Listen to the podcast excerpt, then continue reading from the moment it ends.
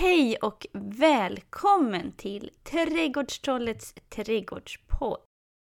Jag heter Jasmin Vara och det är jag som skriver och driver Trädgårdstrollets trädgårdsblogg som numera också finns som podd. I det här avsnittet får jag lära mig mer om ärtor av författaren och museipedagogen Agneta Magnusson. Agneta har jobbat i 35 år på Skansen och hon är ålderman för ärtskrået i föreningen Sesam. Vi pratar om sorter, om ärtodling, om smaker, hur man kan äta ärtor och vikten av kulturarv och proveniens.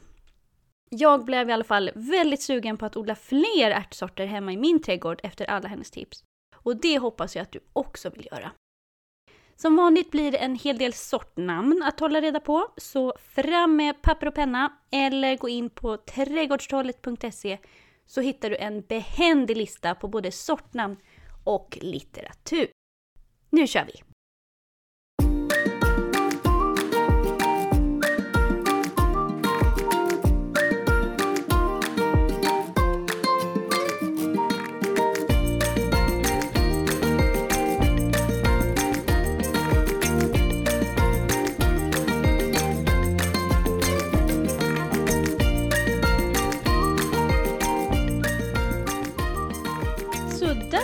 Var vi igång. Hej och välkommen till podden. Jag sitter här tillsammans med Agneta Magnusson.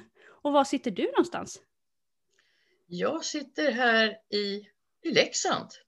Och jag sitter här i Örbyhus. Så att vi sitter alltså och har ett Zoom-möte om det är någon som undrar. Vi sitter alltså inte i samma rum i dessa pandemitider utan vi kör detta via Zoom. Och jag är ju otroligt sugen på detta med ärtor. Och så fort man börjar luska i detta med ärtor, då dyker ditt namn upp om och om och om igen.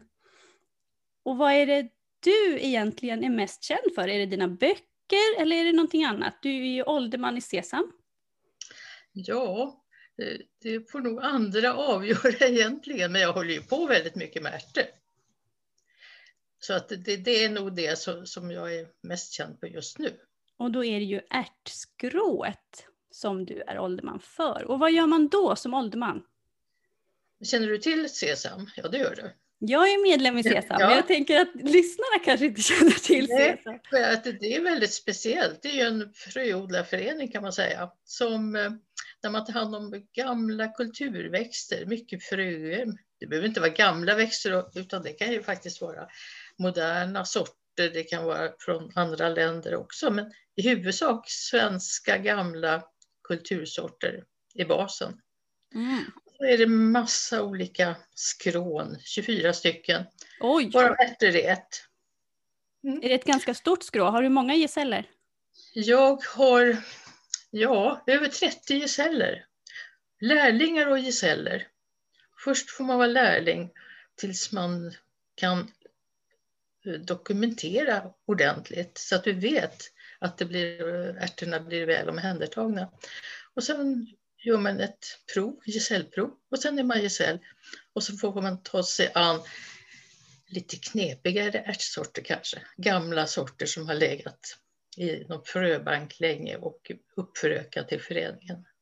Vad är det som gör dem till knepigare? Är det för att de är svårare att få igång eller? Ja, men det kanske har varit att de har legat sedan 80-talet. Mm och nerfrysta. Man vet inte riktigt och de kanske inte har riktigt samma grobarhet mm. så fortfarande. Så att, eh, ja, det, det, är mycket lite så här, man måste vara lite, ha väldigt mycket tålamod skulle jag vilja säga. Hur kommer det sig att du har fastnat just för ärtor så mycket? Varför inte bönor eller kålrötter eller något annat? Varför är det just ärtor? Ja, men jag håller på med allt möjligt. så, så är det. Eh, mycket kålrötter och rovor. Mm. Ja, du har ju mm. skrivit lite om Svedjerova också. Berätta lite om dina böcker. Ja, med första boken i det här sammanhanget, det, det handlar om eh, den heter Gråärterovor och den älskade kålroten. Och jag är intresserad av de här äldsta kulturväxterna vi har i Sverige, vad vi har levt på kanske sedan ja, järnåldern, vikingatid, eh, så här väldigt gammalt. Och det är lite fascinerande vad man, äter under tidernas gång. Och då är ärtor faktiskt en av de här riktigt gamla sorterna som man har ätit i alla tider. Och det, ja, men det är basen i det hela. Finns det någon, finns det någon ärt som man kan säga är mer bas än någon annan ärt just i mathållningen historiskt? Japp, gråärtorna. Ah. Mm. Och det är inte en sort utan det, i sesam har vi kanske 60 olika gråärtor. Så att det, det här är en, en slags gröda kan vi säga. Alltså just det här med hur man ska Alltså jag gillar ju sorter, jag är verkligen insnöad på detta med sorter. Och det svåraste med sorter egentligen är hur man ska alltså, systematisera och kategorisera saker och ting. Och just ärtor måste jag säga är ju något eh, av en kvicksand när man, när man sitter där och försöker nysta i den här röran. Det finns så många olika sätt att kategorisera ärtor tycker jag. Hur ska man försöka förklara den här systematiken för liksom ärtgrupper för en nybörjare på ett bra sätt? Ja, alltså, att hålla på och prata om ärtsystematik, det är bästa sättet att bli ovänner med någon. Åh nej! nej men det, det, är väldigt knepigt och det är väldigt många eh, liksom, starka viljor och det är hit och dit och av och Och jag har valt faktiskt att gå efter Skuds eh, principer. Det är alltså Svensk kulturväxtdatabas. Och eh, vi skulle kunna gå igenom en enkel systematik. Tycker ja, det så gärna. Och jag tror att jättemånga människor skulle ha nytta av det. Inte bara jag, utan jag tror även lyssnarna skulle tycka det var jätteintressant. Ja. Och då ska jag bara säga att det här är, inte, det här är ingen sanning. Så där, det, det finns många sanningar. Så det här är bara en variant. Men, men jag tycker det här är ganska vettigt för att... Eh, och nu läser jag faktiskt till ur boken Klintkarens kålrot och mor Kristins böna om fröuppropets kulturarv. Och vilken sida är det du läser ifrån? Får du gärna jag, berätta. Jag läser på sidan 39. För där tycker jag är en vettig indelning. Och alltså det, ja, det här, man kan bli olycklig över det här. Men just det här tycker jag är hanterbart. Med lite kommentarer. Mm. Eh, sju olika grupper delar de in ärtorna i. Och förut så skilde man ju botaniskt på åkerärt, Pisum arvense, och trädgårdsärt, Pisum sativum. Mm -hmm. Men nu tillhör alla Pisum sativum. Ah. Och så gör man undergrupper. Och då rabblar jag helt enkelt. Rabbla på. Ja. Eh, man tar brytmärgärt som en grupp. Alltså brytmärgärtor det är en märgärt med väldigt tjocka baljor. Baljväxer, vad ska vi säga, väggarna är väldigt tjocka och de är väldigt eh, saftiga. Och eh, så har de skrynkliga frön, för alla har alla märghärtor. Och så, upp, så ser jag direkt att man har skrivit fel i boken. För att fröna, det är bara fröna som används, men det är det inte. Man äter förstås både baljan och fröna här. För det är det som är finessen med en brytmärgärt, att man äter alltihopa. Mm. Och där finns det några stycken. Och eh, det är liksom en grupp. Sen har vi brytsockerärt. Mm. Och då är det sockerärtor, de har släta frön, men de har också de här saftiga baljorna, man äter allting. Sen, då har vi de två, så kommer det foderärtorna. Mm. Och det, de har tunnväggig balja och släta frön.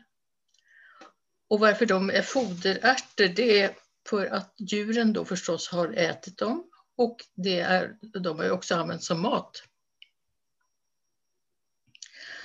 Och, men de har en, ett membran i sin baljvägg som gör att, att vi inte så gärna äter själva, själva baljan. Utan man bara vill, Ja, man vill sprita dem ja, helt enkelt. Ja. ja, precis.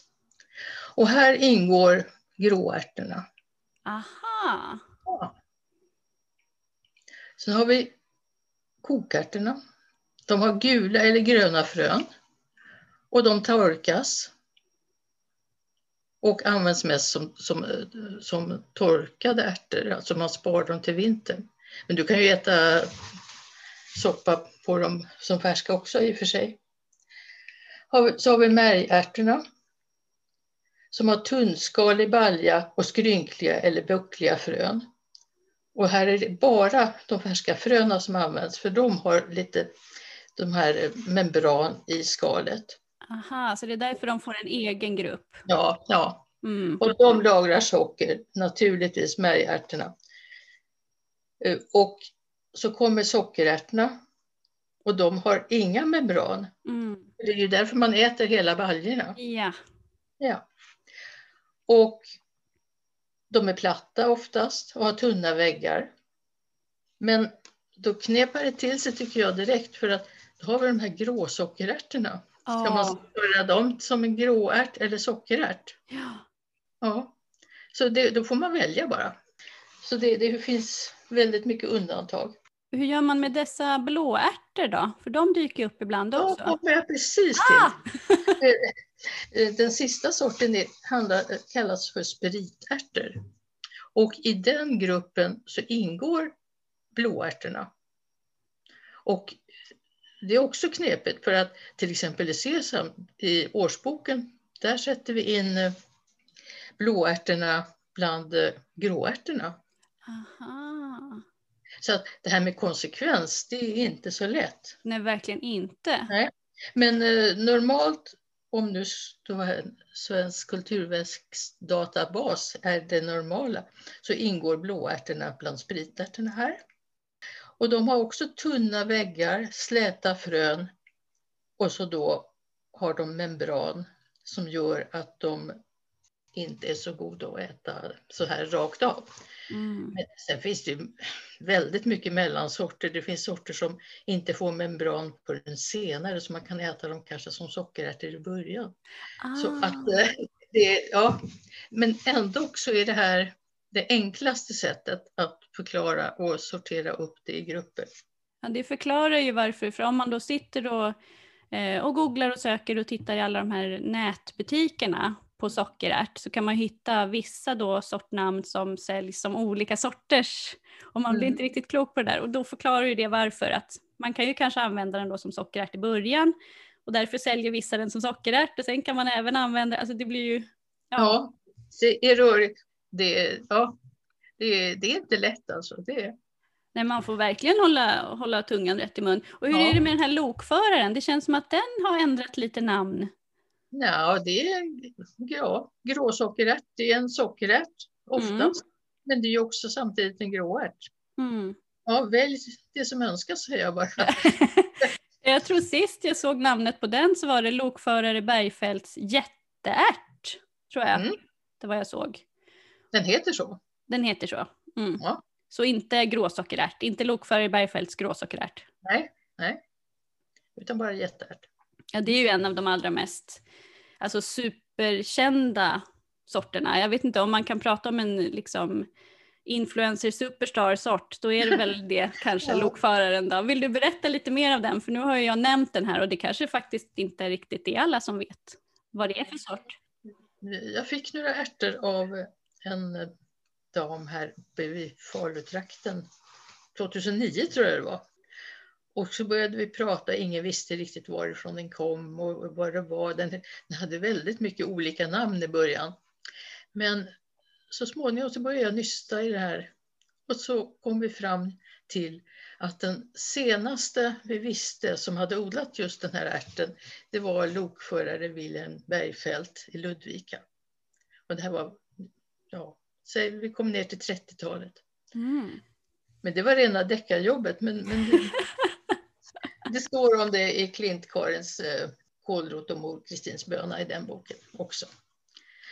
Och den står väl lite överallt. Men, men det, det är så här man håller på när man är så här ärtnördig. För då, då börjar man rota i det ena efter det andra.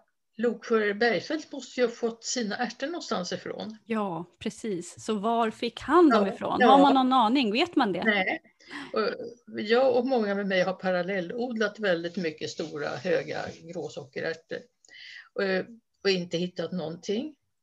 På, det har gjorts genetiska studier, man har inte hittat någon som är lika genetiskt just lokförare Bergfeldt utan den är en särskiljbar eh, sort. Och vi tror att kanske har det varit en någon av de här gamla sorterna som inte finns längre.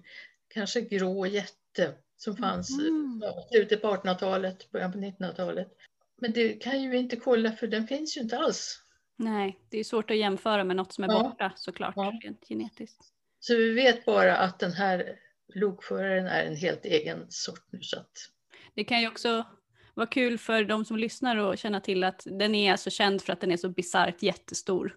Och då menar jag inte själva plantan utan då menar jag själva baljan. Den är verkligen jättestor. Vilken är den största balja du har odlat fram? Har du mätt dem någon gång? Alltså det är nästan som små bananer, alltså små ekobananer. De är ju jättestora. ja, ja, det har nog varit så här 25-30 centimeter. Mm. Och den är väl 3 centimeter i bredd. Och jag tycker det är så roligt för att den är så god även om den är gammal. Ja, till och med som förvuxen och när liksom ärtorna i börjar tjocka på sig lite, till och med då är den krispig. Ja. Det är helt otroligt alltså. Det är som att äta frukt. Nej, och den säljs ju ibland på, man kan ju hitta på alla möjliga så här, mer eller mindre suspekta sajter på internet där de säljer dem för hutlösa priser alltså. När tog Ja. den här hypen fart? Hur lång tid tog det innan folk fick upp ögonen för den här gamla kulturarvssorten? Är det fyra, fem år sedan som det var ute på sådana här auktionssajter. Mm. Men då, då- var jag inne och spanade lite och det var mycket lureri också. Det, Ja, var, inte, det var inte det som, som det utgav sig för. Och jättedyra priser. Det var ju som tulpaner på, i Holland på 1600-talet. Oj, ja. Ja, Nej usch vad tråkigt. ja, men nu är det mer normalt igen. Ja, och man får väl om det nu är så att man är väldigt sugen på att köpa den här så får man ju se till att man köper av någon som man har förtroende för helt enkelt. Ja, Eh, var det inte Impecta som odlade upp den i liten skala också? Eller sålde i liten skala? Men det Ja. brukar väl säkert ta slut superfort. ja det var nog tingat nästan i förväg. Ja. Men, ja, nej, men nu tror jag alla får och har som, som vill.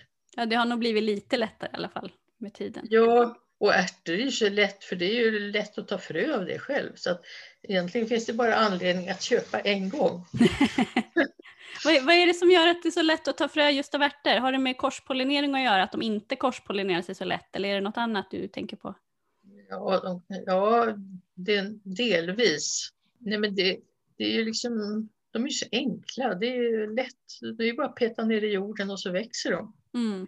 Mm. Vad tycker du man ska ha för eh, avstånd då till sina plantor om man inte, om man inte vill riskera någon korspollinering? Eh, ja, alltså det här är jättelurigt för att man har alltid sagt att eh, ärtor de korsar sig inte.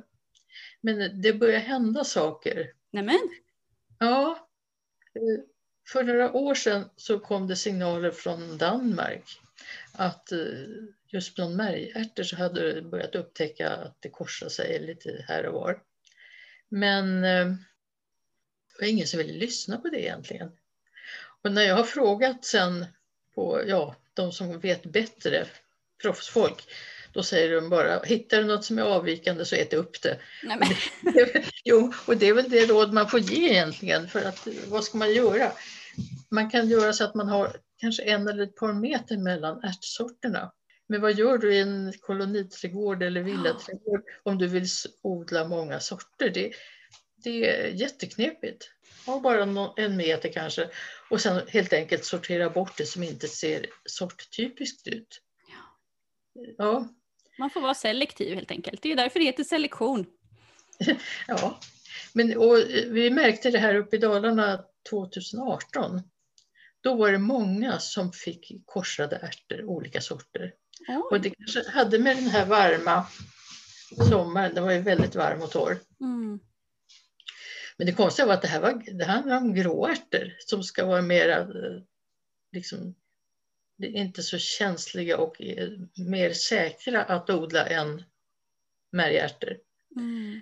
Men det, det hände väldigt, eh, väldigt många ska jag säga, men kanske på fem, sex ställen som jag känner till här nära mig. Och det, det är mycket för att, vara, för att vara här tycker vi, med korsningar. Vad intressant att du har just gråärtor också. Men du, det får man ju ändå säga att eh, är det någon som har gett eh, gråärten ett ansikte och verkligen lyft den, då är ju det du. Hur kommer det sig att du har fastnat så mycket just för gråärtor? Vad är, vad är storheten med gråärtorna? Varför ska folk odla gråärtor? Åh, på en timme berätta. Nej, men det är ju den här gamla stommen, den här riktiga urärten. Gråärtor, de heter ju det för att de är ofta är de mörka. De har alltså tanniner i skalet som gör att de är lite, lite kanske oaptitligare, lite kärvare för, för djur. De har lättare att klara sig i alla fall. De, de är, de blir, det blir inte så vacker mat kan man säga. Ärtsoppa på gråärtor, den blir grå. Mm. Mm, det är väldigt god men ja, i alla fall. Så att eh, de här är tåligare och eh, det var ju de som folk och män, både människor och djur har levt på då under många, många hundra år innan det blev de här vitblommiga, eh, mer, ska vi säga, andra åkerärtorna som, som kom. Inte ta över, men i alla fall växa parallellt. Kan man säga att det är någon skillnad på, för ofta om man har ordet foderärt, då undrar man ju varför har de använts som foder? Är det för att det liksom inte är gott? Eller är det någon skillnad på liksom foderärt till djur och matärt till människor? Eller kan det vara samma sort används till båda? Eh, ja, det, det är samma. Det, det, kan ju vara det är också så att man äter kanske inte så mycket av de här foderärtorna till där man äter hela baljan utan man, mm. det är ju ett membran i som gör att man spritar dem och äter bara själva ärtorna så. Nej, men annars är det ingen skillnad. Gråärtorna ska, har jag kanske inte sagt, men de har ju då röda, rosa blommor. Oh. Medan eh, de andra åkerärtorna och eh, trädgårdsärtorna oftast har vita blommor. Vilka är allra godast då? Om du har några namnsorter du vill tipsa om, de godaste gråärtorna? Det beror på vad du menar med god och hur du använder det. Inte äcklig då? eller vad brukar du använda till vad? Har du någon sort som du tycker är extra god att ha i soppa eller någon sort som är extra god att göra biffar på? Eller? Ja, man kan säga så här, lokföraren, när vi ändå har pratat om honom, så är det, det, den är alltså jättegod att äta rå. Vi kokar den också lite lätt sådär och kan frysa in också till vintern. Men, men eh, nej, man ska äta den rå, den är vrålgod. Ja, jag håller med, jag sitter här och nickar. Det är ingen som ser det nu eftersom det är en podd. Jag sitter här och nickar instämmande. Men sen vill jag gärna ha en, en sockerrätt, en tidig sockerrätt också. Och då väljer jag nog någon av de här norrländska från Norrbotten. De är små, snabba, tidiga och man kan så dem i flera omgångar. Mm. Arvidsjaur, Svartbjörsbyn till exempel. De blir kanske en meter höga och jättetrevliga. De är då vitblommiga sockerärtor. Det tycker jag, det, det, måste man ha. Det finns ju ett namn som dyker upp också lite då och då eh, och det är Jons släpärt. Varför heter det släpärt just? Ja, eh, släpärt, det kan du laga av spritärtor, gråärtor i största allmänhet. Och det är alltså ett sätt att äta. Det är inte en ärt egentligen. Jag använder ofta till exempel såller och gråärt och eh, rättvix gråärt som släpärtor. Mm. Helt enkelt för att jag odlar dem. Och de funkar jättebra att äta som släpärtor. Du kokar dem alltså i både färska eller så har du dem som frysta och tar fram. Du kokar dem kanske en kvart 20 minuter tills de är riktigt mjuka och sen har du smält smör till i en äggkopp och så doppar du ner ärtorna, de här kokta ärtorna och så släpar de mellan tänderna. Aha! Ja, det är därför det heter så. Jag förstår. Och det är jättegott och det, det här var populärt på 30-talet vet jag, har jag hört berättas. Så att man åt, när det var kräftfester ute i skärgård, då hade man med sig släpärtor också, för alla ville inte ha kräftor. Och det, det är ett jättebra sätt att ha fest på om man nu inte vill äta fisk eller kött till exempel. Ja, gud, verkligen. Eh, jag tänker också på solleröärt, är också ett sånt där namn som dyker upp ofta. Vet du om det finns någon sån sort som kockar gärna lite extra vill lägga vantarna på just vad gäller gråsockerärtor? Ja, men såller är ingen gråsockerärt utan det är en membran så att Aha. du vet bara Därför kan du använda den som släpärt just. Ja, ja. ja.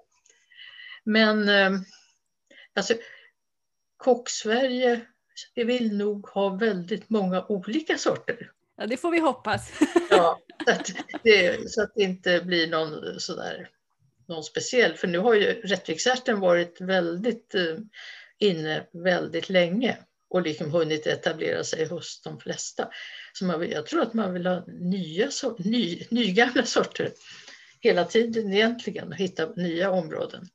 Ja, det finns ju en, en baljväxtakademi också. Är du med i den eller känner du till den? Ja, jag har tittat på det, och, men jag tror inte den är aktiv eh, efter 2019. Åh, oh, vad tråkigt. Och den vänder sig mer till industrin och till, eh, till lantbrukare. Det handlar om produktutveckling mera. Mm. Så att det, som jag har förstått det. Så jag har bara liksom gått in på deras hemsida och kollat ibland, men inte aktuellt för min del då. Men apropå det här med, jag tänker, eh, alltså industri kontra privatpersoner. Finns det några sorter som lämpar sig lite bättre för storskalig produktion eller finns det några sorter som, som är bättre just kanske i, i hemträdgården? Eller spelar ingen roll? Ja, eh, de här stora ärtodlarna, de har ju egna framtagna ärtsorter. Så att, för det måste ju gå att skörda på väldigt kort tid. Det ska mm. mogna mm. samtidigt och det ska vara liksom väldigt speciella förutsättningar. Vi som odlar hemträdgårdar, vi har ju andra krav. Där är det en fördel om det mognar lite i taget till exempel. Sakta så man får lite, lite under lång tid. Jag vill inte ha 25 kilo ärtor på en Det är svårt att äta upp så mycket, men det är jobbigt ja. att ta rätt på också, även om man mm. har en frys kanske. Det är många som menar på då att så här, kulturarvssorter är säkert jättebra, men det är svårt att få tag på. Varför ska jag odla det? Det finns ju många andra moderna sorter som är så mycket lättare att få tag på. Och då är ju det ett väldigt bra argument för kulturarvssorter, tänker jag. Att de ger lite hela tiden, att du slipper få. Mm, det är ett väldigt bra argument. Men jag opponerar mig mot det här att det är svårt att att det inte finns mycket sorter. För att nu händer det jättemycket faktiskt, eh, att det kommer mycket nya sorter. Så att, eh, mm, vet du var? Jag kan tipsa om att man faktiskt kan gå in på Jordbruksverkets ja. hemsida. Och där så finns det någonting som heter växtsortmeddelanden som kommer ut så här, ja, ungefär fyra gånger om året. Och det senaste tillfället här nu i slutet på mars så har det alltså registrerats 38 olika sorters ärtor som nu är godkända för försäljning. Oj! Ja, i Sverige. Och alltså det är ju det, ganska mycket alltså. Ja, men det är rena sensationen. Och jag tittar här på listan nu. Det är alltså sju märgärtor, nio sockerärtor som har blivit amatörsorter. Och amatörsort, det är liksom ett lite enklare förfarande att få sälja en ärtsort. Med, eh, man får inte sälja så stora mängder, och så, men det, det är mycket enklare att ta hand om och billigare. Sen finns det också bevarandesorter som är mera för jordbruksändamål kan man säga, eller lantbruksändamål. Och där är det 22 olika ärtor som Oj. är... Så att här har du en guldgruva. Om man går in och tittar på de här sorterna på Jordbruksverket. Och om du dessutom går och tittar på SLU, du kan titta på programmet för odlad mångfald. De har, på deras hemsida så finns det, kan man gå in och titta på grönt kulturarv. Och där finns 31 av de här kulturväxtsorterna som nu är godkända för att fröodla och sälja. Det är jättemånga, vad kul. Ja, så att nu finns det ingen som helst ursäkt för att inte de här kommer i handeln väldigt fort. För det är ju väldigt många små firmor som börjar komma nu. Ja, vi, har ju, vi har ju de här storfirmorna förstås, Runebergs Impecta och, eh, och med flera. Men nu kommer ju alla de här små då. Eh, Nordsjö och Kinnekullefrö och Fröbanken. Och det, alltså det bara väller fram svenskodlade små eller fröer från mindre fröfirmor. Och det, det, här är liksom, jag tror inte folk ska börja fatta. Nej, det är som julafton. Ja visst. Mm. Så att, har man bara lite, lite tålamod så samlar man då bra svenska fröodlare och kan sälja de här svenska kulturväxterna. Ja, det handlar förstås inte bara om ärtor, men även om jag pratar om det här just nu. Det är ju så mycket mer. Ja. Men just när jag tittar nu på listan från med grönt kulturarv så är det då 14 gråärtor, 6 gula kokärtor, 2 gröna kokärtor, 5 sockerärtor och 4 märgärtor. Mm. Som, som liksom bara finns nu och ganska nyligen har kommit ut. Men det är jätteroligt. Finns Ja. det någon sort som är extra bra för nybörjare? Typ en, ska man ta en extra lågväxande sort eller vad funkar extra bra för någon som aldrig har odlat ärtor förr? Då, då skulle jag säga märta. Mm. Har du odlat märta någon gång? Det har jag inte, men jag har snokat runt och tittat på Märta många gånger och ibland Mm. heter hon Märta och ibland heter hon Märta Vax. Är det en och samma ärta Ja. Märta? Och eh, hon har döpts om nu till Märta Vax för att eh, det, det, det ska vara det korrekta namnet i så här fröodlarsammanhang. Och, eh, och varför, varför är Märta bäst att börja med? Jo, hon är lagom hög. Så, så här, ja, högst en och en halv meter.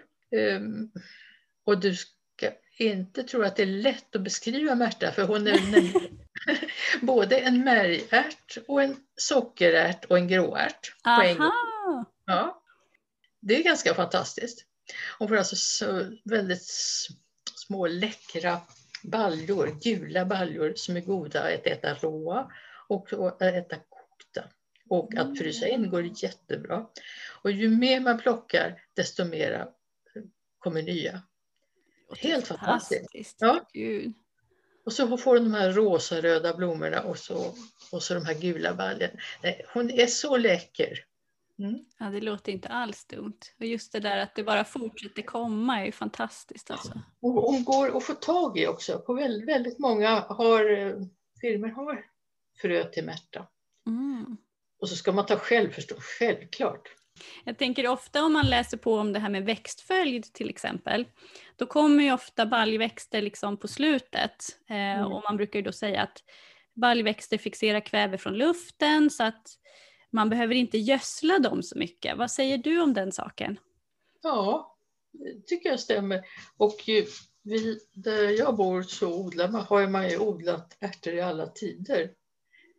Då tänker jag på gråärtor. Och det är ju ganska mager mark här, mycket morän.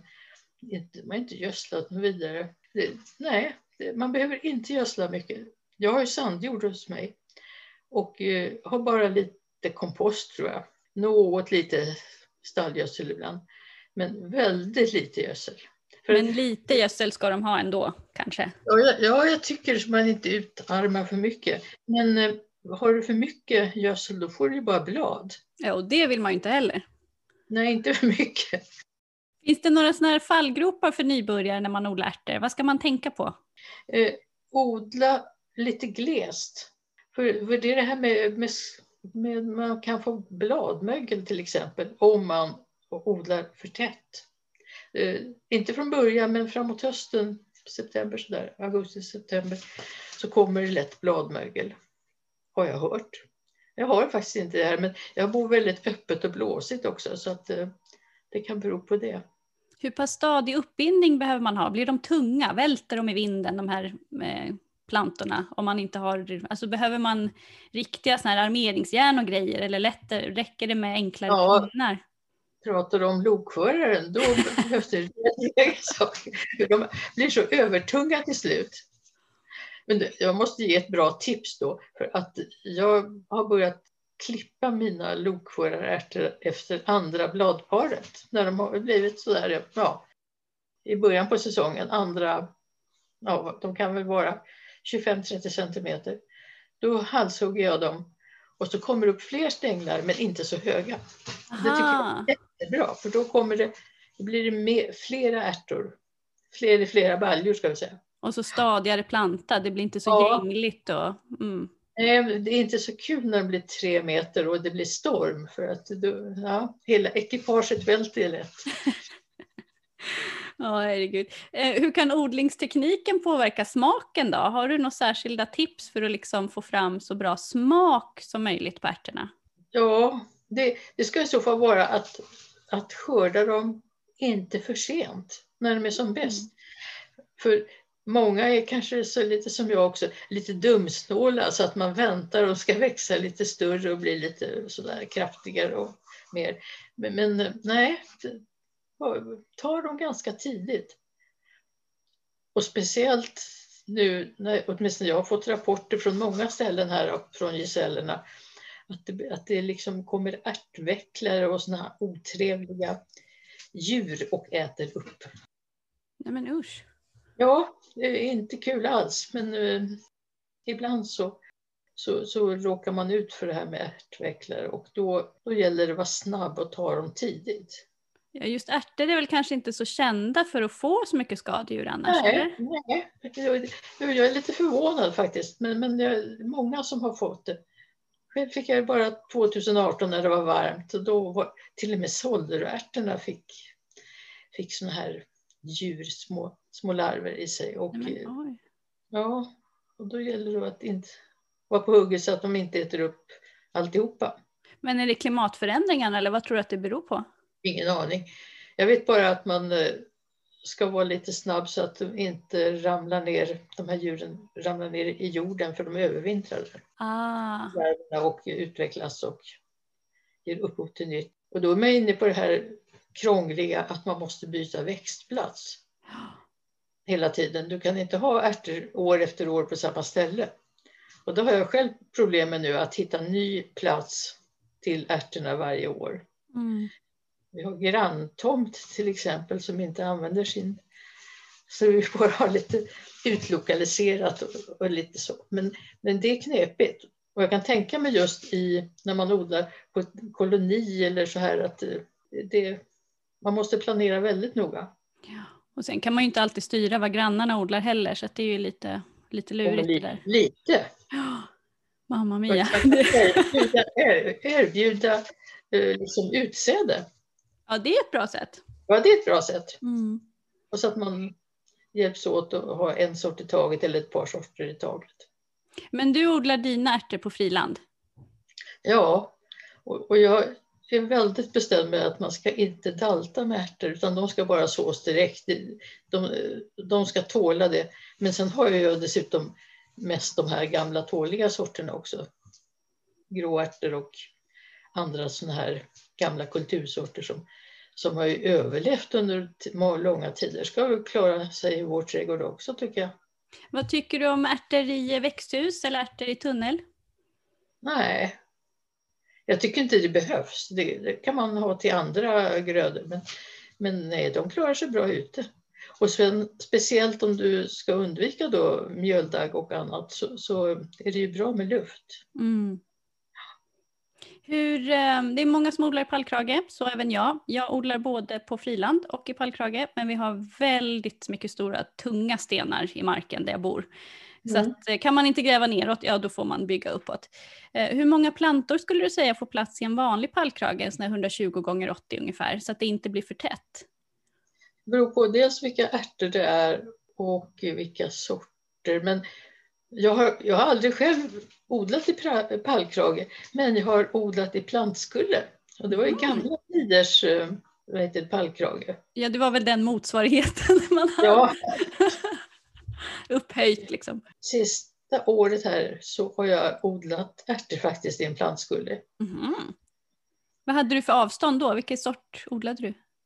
Eh, då odlade jag på ett alltså, väldigt bra sätt, måste jag säga. Jag var lite förvånad själv. Och det här var en nödlösning. För det var en plantskulle på en hembygdsgård här bredvid och uh, skulle haft uh, lök egentligen, Leksandslöken där. Mm. Men vi behövde byta jord och då valde vi att byta slag istället, så att säga, växtslag istället. Så då fick det bli ett år med gråärtor. Och då hittade vi, hade en låg gråärt och så satte faktiskt 10 centimeters mellanrum över hela ytan. Oj, det var ganska tätt.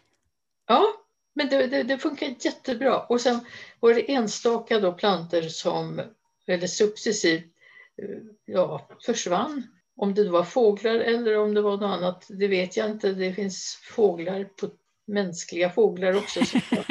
och det finns katter som krafsar, herregud. Det finns små barn som går och plockar, ja. säger jag som har en liten son. Ja, men då, då petar vi nya ärtor på platserna hela tiden. Och det, det, var jättebra för då hade vi färska gråärtor, blommande först och sen så då med baljor under hela säsongen. Ja.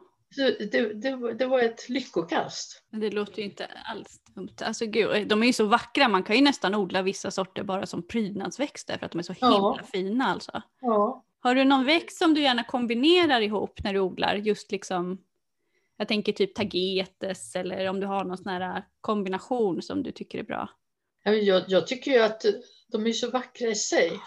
Men, men vet du vad jag har? Nu kommer vi in på något helt annat. Jag odlar surklöverrova som kantväxt. Jaha, alltså jag har aldrig ens hört namnet. Va, vad är surklöverrova? nu får du berätta. det är en gammal köksväxt kan tänka mig att man kan tänka sig som eh, ja, en herrgårdsträdgård på 1700-talet kunde ha det som kantväxt. Små oxalisplantor är det som får små rovor under sig, rosa blommor och så klöverblad. Men det är då en, så att säga, en oxalis. Men de kan ju sprida sig jätteaggressivt. Är den där också lite sådär ute på vift ibland eller? Nej, nej, den sprider sig inte. Det var skönt, för det finns ju vissa som... Den har små knölar uppe vid rotbasen sen som man tar hand om och ah. får ligga över vintern och så planterar man på sommaren igen sen. Går den att äta? Jättegod. Mm -hmm. Rova, det är ingen rova då utan det är en ja, så att säga, harsyreväxt kan vi säga. Mm. Så, så kan man äta och eh, lätt förvälla de här små rovorna. Kan man äta bladen också och ha i sallad? Ja, Ja, jättevackert och gott. Så att, och blommorna är, är så fina. Oh. Både att titta på och att äta.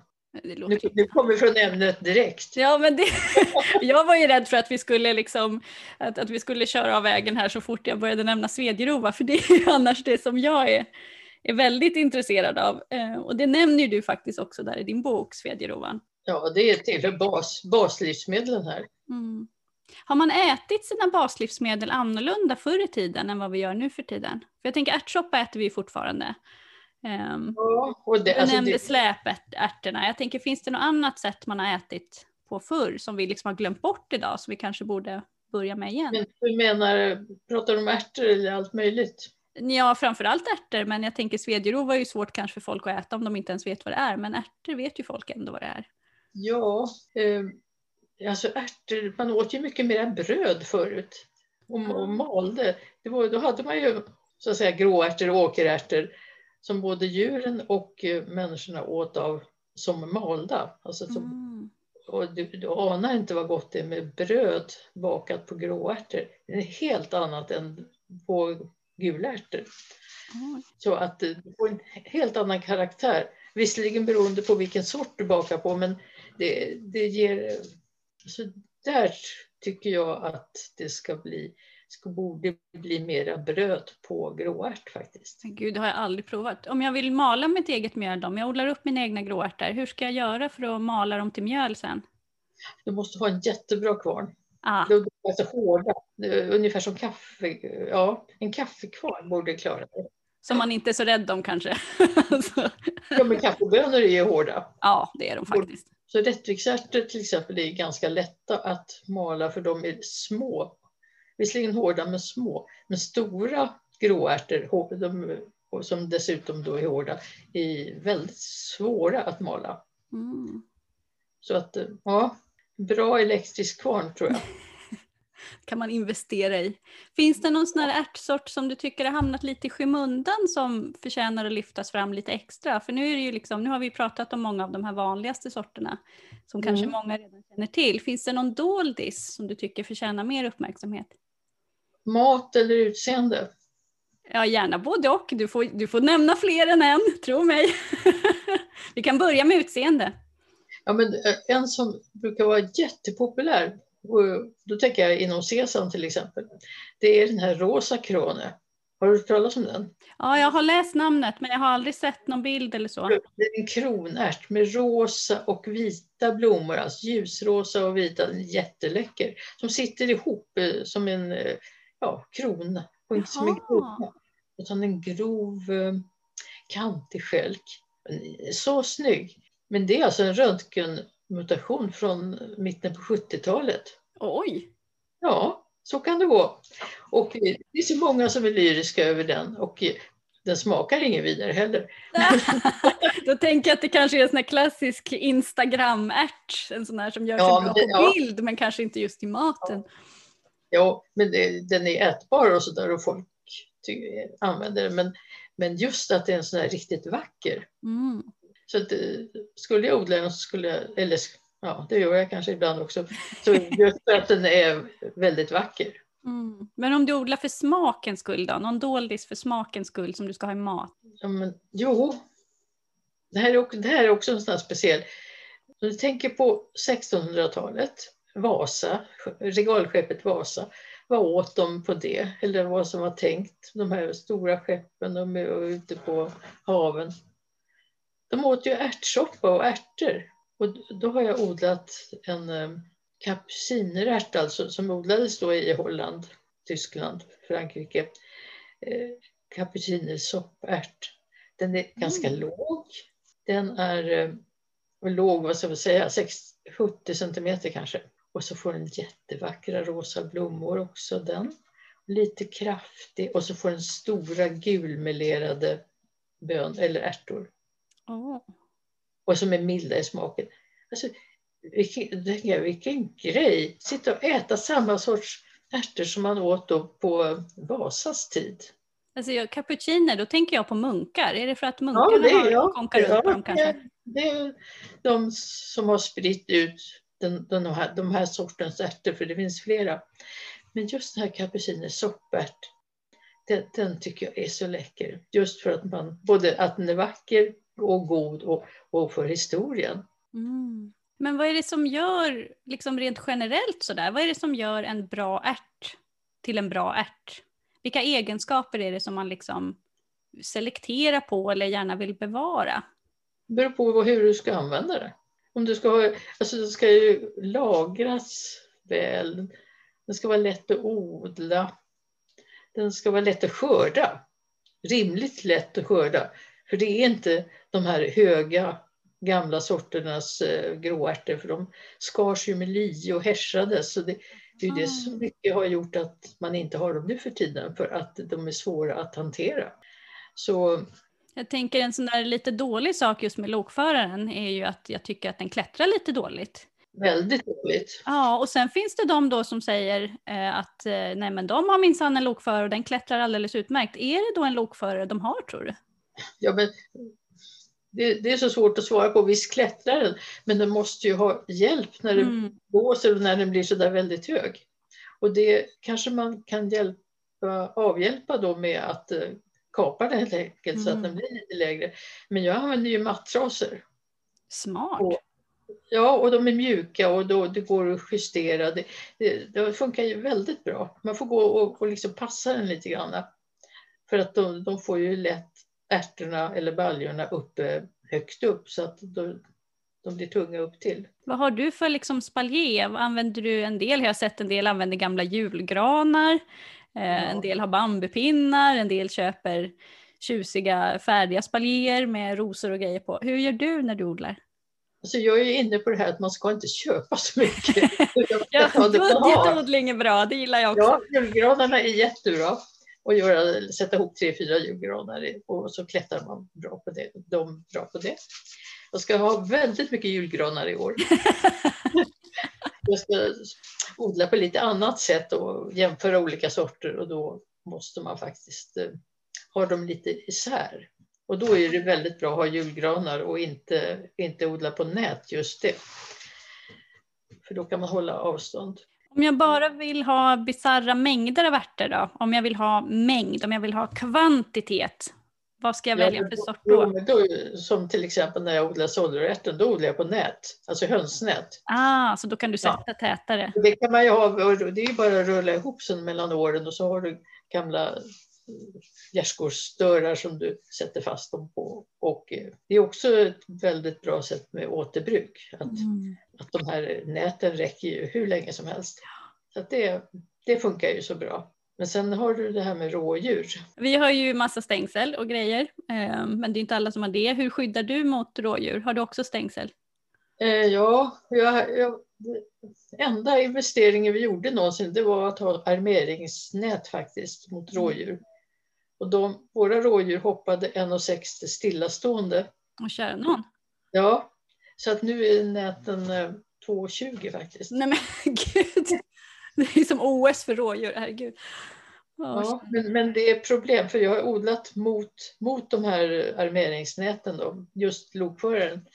Men, men nu måste vi byta för att eh, jorden tål inte mera ärtor så att säga just där. Utan då kommer de på ett nytt ställe och då använder vi, ja, nu blir det reklam. Men det, jag vet inte vad näten heter, men alloxnät, sådana här mm. tunna lätta plastnät. Och de funkar också faktiskt riktigt bra att ha runt. Ja. Det finns nog många fabrikat också. Ja, det finns det säkert, men det är väl jättebra om man kan nämna något så att, så att folk vet. Det här är ju inte Sveriges Radio så att det är bara, det, är bara... det, det, gäller ju också att, att det ska vara lite snygga nät. De här tycker jag, så att man inte liksom bara ja, försöker undvika plast, men det, det här är det här får vara ett, ett undantag. Mm. Har också bara störar runt hela odlingen och, eh, och så har jag små krokar upp till på, på störarna och eh, hakar på de här näten. Så kan man ta undan det sen. Ja, det är jättesmidigt. Ja. Hur eh, lagrar du dina ärtor sen? När du har skördat dem? Ja, du skulle komma och titta här fram på höstkanten hur det ser ut hemma hos oss. Det är undantagstillstånd. Oj! Både och i garage och förråd. Ja, du anar inte. För jag torkar ju allting väldigt länge på hösten. Och där är också olika åsikt, men jag tycker att det blir bättre kvalitet på ärtorna om de får torka länge i sina baljor.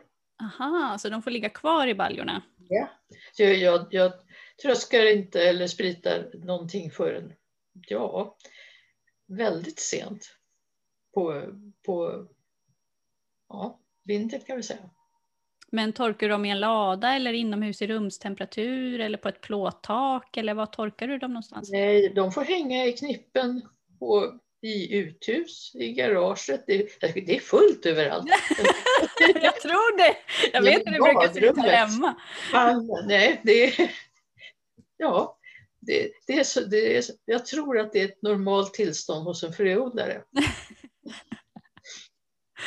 Ja, kära någon. Det ibland tänker jag att jag har världens bästa sambo och det är väldigt ofta just i skördetid faktiskt. Där det, är, det är tomater här och det är frön där och det är några papperskassar med, med mollakvistar med frön på där och han är så snäll. Så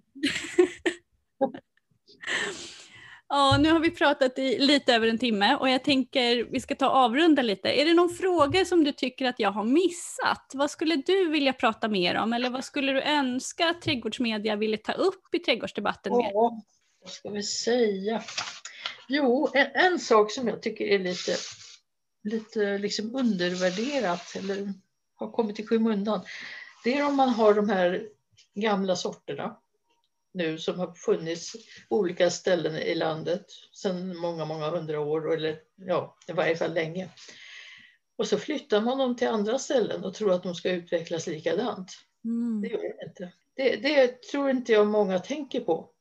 Det, alltså, du tänker på det här med proveniens helt enkelt?